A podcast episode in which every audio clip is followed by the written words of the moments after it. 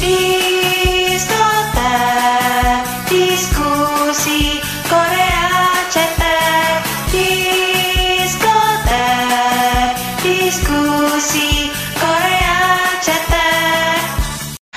Anyong nyoro bunda. Jadi di episode ini gue mau bahas tentang perhitungan umur Korea sebelumnya. Karena per Juni tahun 2023 sebenarnya di Korea itu udah mulai ditetapkan umur internasional. Jadi sama aja kayak umur kita sekarang ya. Cara ngitungnya ya sesuai sama hari ulang tahunnya gitu.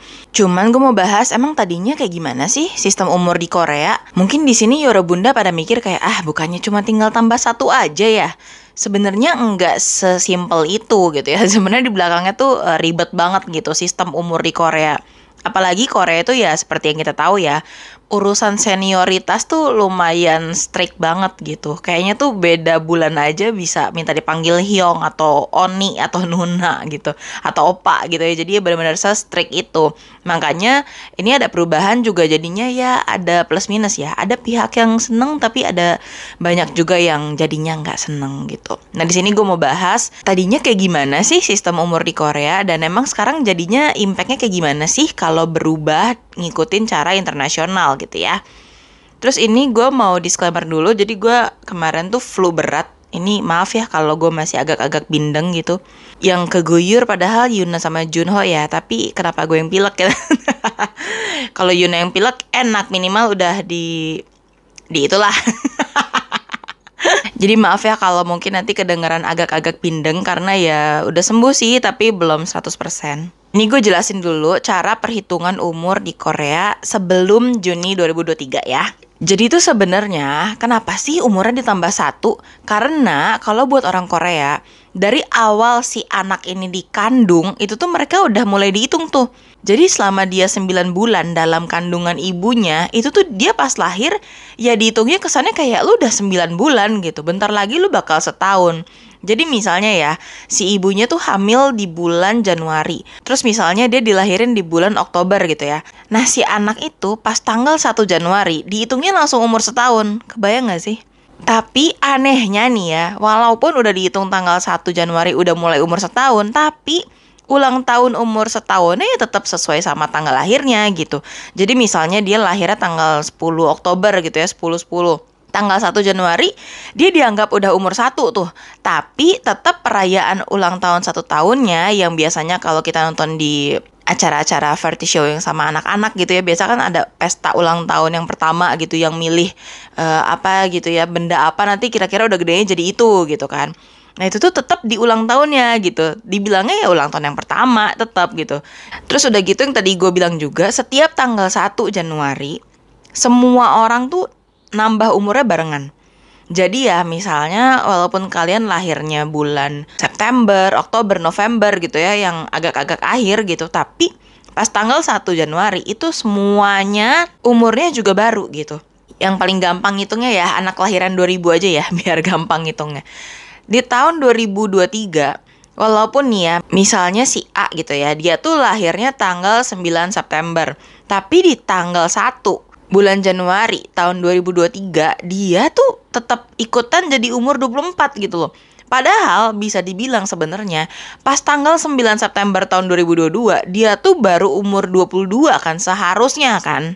Cuman di tanggal 1 Januari 2023 dia tuh tiba-tiba jadi ikutan nama yang lain gitu. Jadi kayak ulang tahun lagi, ngerti gak sih? Bukan ulang tahun lagi ya. Jadi nambah aja umurnya gitu loh. Makanya kenapa anak-anak yang misalnya ini tahun 2023 ya, anak-anak yang lahir tahun 2003 itu tuh di tahun 2023 tanggal 1 Januari semuanya serentak udah umur 21 which is udah masuk umur legal ya buat ngerokok, buat minum alkohol gitu. Padahal mungkin aja nih si A ini dia tuh lahirnya sebenarnya Oktober gitu kan atau November atau bahkan Desember gitu, akhir tahun gitu. Jadi kenapa makanya ada yang bilang kayak sebenarnya umur gue tuh nggak belum segitu gitu. Makanya kenapa banyak yang bilang pas perubahan umur Korea jadi umur internasional itu tuh banyak yang bilang gue jadi lebih muda 2 tahun gitu. Itu tuh berlaku buat yang lahirnya bulan Juli ke atas lah ya. Jadi Juli, Agustus, September, Oktober, November, Desember tuh. Itu berlakunya ke situ. Jadi bayangin gini, misalnya gue lahirnya tanggal 11 November gitu ya. Tapi di tanggal 1 Januari 2023, gue udah dibilang umur 24. Anggaplah gue lahir 2000 ya. Padahal sebenarnya bulan November sebelumnya di tahun 2022 gue tuh baru umur 22 kalau umur internasional ya. Tapi karena ikut umur Korea di tanggal 1 Januari tahun 2023 gue tiba-tiba udah umur 24 gitu loh. Padahal ya sebenarnya gue baru umur 22 ngerti kan? Makanya pas perubahan sistem ulang tahun ini jadinya ada yang lebih muda 2 tahun yaitu yang belum ulang tahun sekarang gitu. Jadi ya sama aja mau lahir Agustus pun ya sebenarnya kan belum ulang tahun ya. Tapi karena udah ikut umur Korea kesannya kok gue nambah terus gitu loh. Sama aja kalau kalian perhatiin ya di episode Running Man yang terakhir tuh yang ngomongin umur, karena Yu Jae-sok itu lahir tahun 1972. Which is sebenarnya sekarang harusnya 51, tapi dia itu belum ulang tahun. Jadi which is sebenarnya masih 50, ya kan? Tapi karena ikut umur Korea, dia tuh udah dianggap umur 52 dari tanggal 1 Januari 2023. Kebayangkan? Jadi makanya ada yang ngerasa gue kok jadi lebih tua 2 tahun gitu ada juga yang ngerasa gue jadi lebih tua setahun gitu. Itu karena uh, makin terakhir ulang tahunnya makin berberan ya kerasanya kayak aku gue cepet banget tambah umurnya gitu ya. Nah tapi jadinya kalau buat yang lahirnya Januari Februari gitu ya kerasanya ya emang bentar lagi juga gue ulang tahun gitu ya. Jadi kerasanya ya emang tahun baru umur baru aja gitu. Dan itu gue juga sih gitu. Soalnya gue ulang tahunnya awal-awal tahun ya. Jadi setiap kali tahun baru gue ngerasa kayak ya bentar lagi umur gue juga baru gitu ya karena gue juga bukan orang Korea ya jadi bukan pas tanggal 1 Januari gue ngerasa umur baru gitu cuman ya kayak ya bentar lagi umur gue baru gitu aja sih cuman kalau buat orang Korea ya kayak gitu ya sebenarnya tuh dengan tanggal 1 Januari semua orang umurnya baru yang diuntungkan tuh ya yang buat umur legal itu loh jadi misalnya anak ini sebenarnya lahirnya akhir tahun gitu.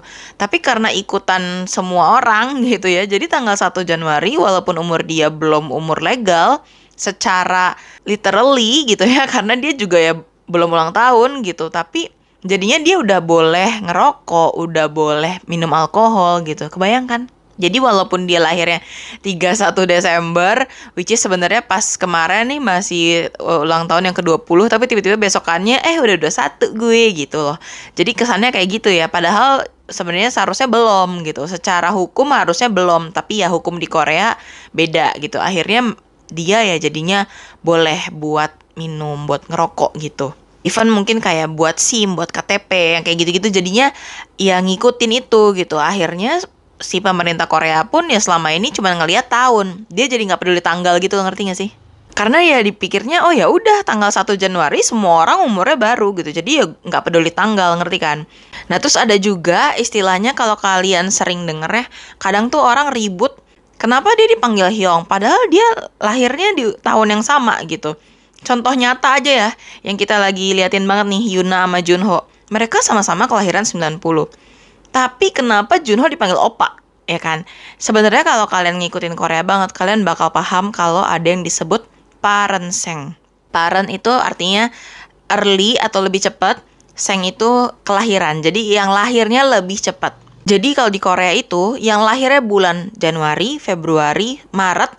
Nah, Maretnya tuh agak-agak ambigu ya antara sampai akhir bulan atau sampai tengah bulan agak ambigu. Karena gue nonton Hahabes, di situ anaknya tuh uh, yang kedua Hasol itu tuh dia lahirnya tuh akhir Maret tanggal 20-an sedangkan dia ketemu sama temennya yang lahirnya awal Maret. Dan si temennya dia nggak mau disamain umurnya sama si Soul karena Soul itu akhir Maret dianya awal Maret. Jadi otomatis kayak mereka harus panggilnya Hyung. Sedangkan si Soulnya ngerasa lah gue masih di bulan yang sama lahir sama lo gitu. Nah di Korea tuh sering ada keributan itu. Di Korea itu kan senioritasnya luar biasa strict gitu kan. Dan memang kesannya nih yang lebih tua yang lebih senior tuh kayak lebih seneng aja gitu kayak lebih punya kuasa aja gitu. Makanya kenapa si parent Seng ini orang-orang yang lahirnya bulan Januari Februari Maret yang di Q1 udah kayak di kantor ya yang lahirnya di Q1 mereka tuh merasa kayak gue nggak mau disamain sama yang lahirnya di Q2 3 4 gitu.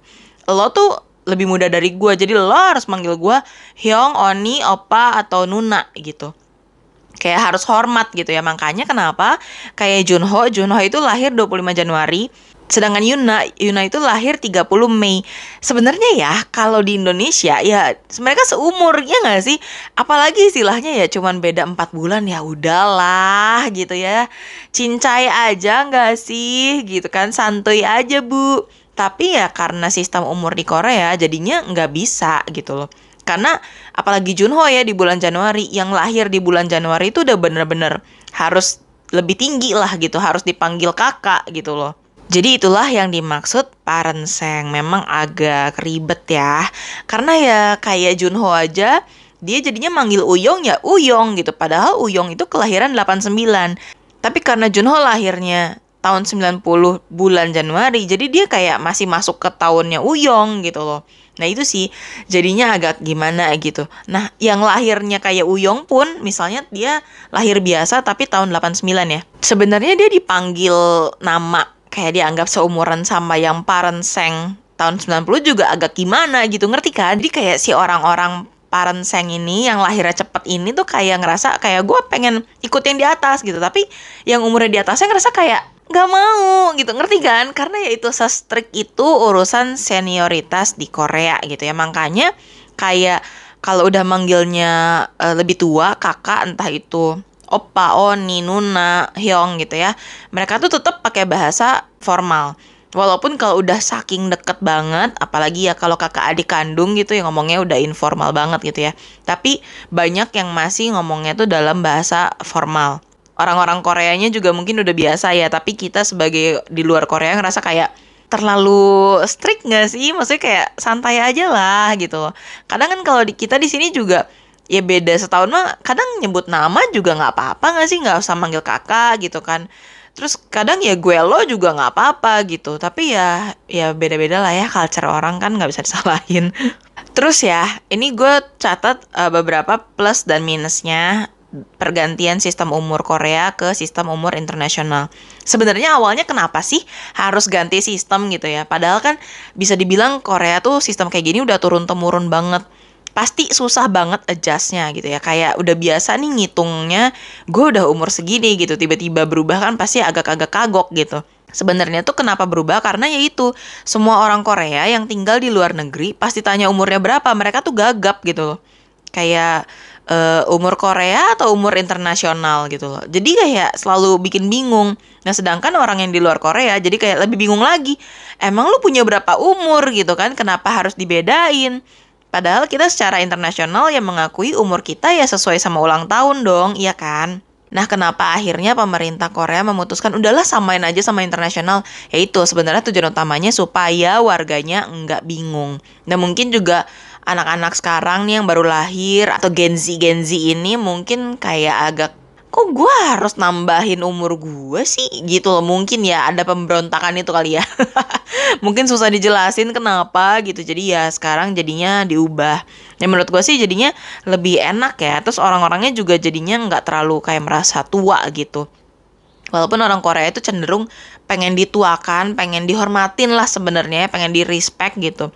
Tapi ya pas saatnya tua ya siapa sih yang mau dibilang tua ya nggak sih? Cuman mungkin jadi lebih PR kalau ditanya kayak umurnya berapa, terus orang yang ribet gitu ya, yang mikir kayak e, gue kan masih minggu depan ulang tahunnya, jadi gue belum belum di umur itu gitu, e, ribet ya yang kayak gitu. terus yang kedua plusnya adalah walaupun tadi gue bilang ya minusnya tuh uh, si anak-anak yang umur legal ini akhirnya jadi kayak ya tadinya harusnya tanggal 1 Januari gue bisa party, bisa minum-minum gitu. Ternyata jadi mundur kan nunggu ulang tahun dulu. Nah, tapi plusnya buat yang mau wamil.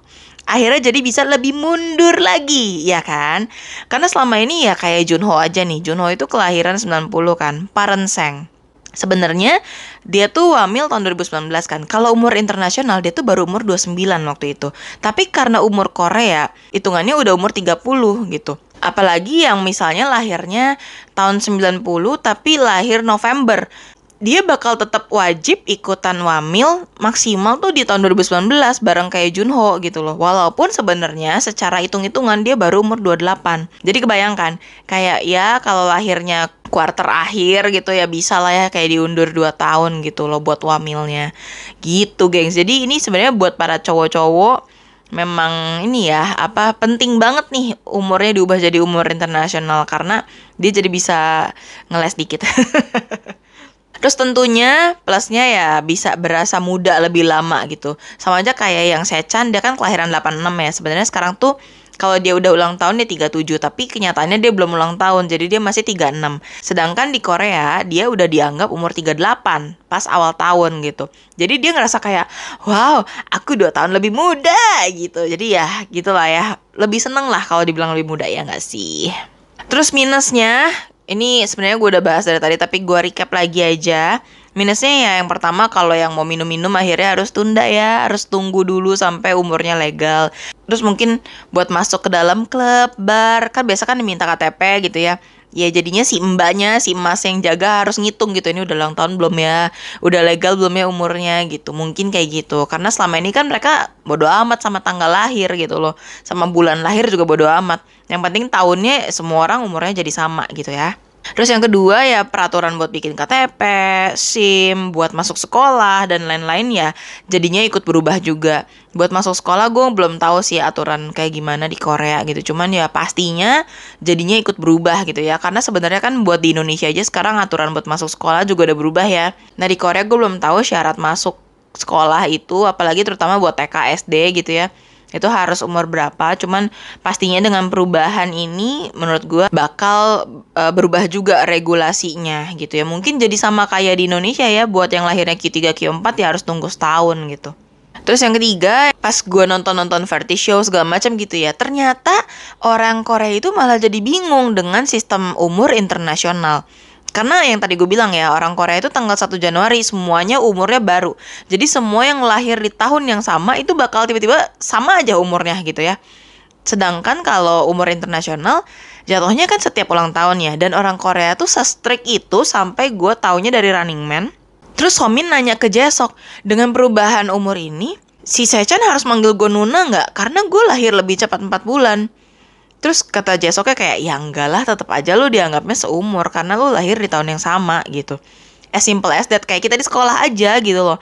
Sebenarnya kan kayak yang lahir di Januari ketemu sama yang lahir di Oktober itu tuh kayak eh maaf nih pas gue lahir lo masih zigot gitu kan sebenarnya ya kan tapi kan ya kita satu angkatan ya kan satu kelas ya udahlah dianggap seumuran aja gitu nggak usah terlalu strict nggak usah terlalu ribet gitu kan ternyata buat orang Korea tuh itu jadi ribet gitu. Karena kayak yang hmm, lo harus panggil gue Nuna gitu. Kayak saya Chan nama Somin gitu ya. Padahal Somin juga bukan yang parenseng bukan yang lahirnya di Q1 itu gitu. Jadi kayak huh, unik juga ya. Gue nggak nyangka sih Korea sampai mikirin kayak oh gue lahirnya lebih cepet dua bulan nih dari lo. Lo harus panggil gue Nuna gitu. Kayaknya terlalu berlebihan juga. Cuman yang mudah-mudahan orang Korea take it easy aja, santuy aja. Yang penting dibawa happy karena ya at least mereka jadi lebih muda sekarang kan, makin berjiwa muda gitu loh. Dan jadinya yang buat lahirnya di akhir-akhir tahun juga nggak jadi kesel karena kayak ih gue sekarang jadi diakui nih umurnya umur internasional nggak ditambah dua gitu kan karena menurut gue yang paling rugi ya yang lahirnya Q3 Q4 ya itu paling rugi banget ditambahinnya dua tahun. Nah sebenarnya dari penjelasan gue ini kira-kira Yora Bunda udah tahu semua belum sih? Atau baru tahu sekarang pas gue jelasin? Atau penjelasan gue masih bingung juga?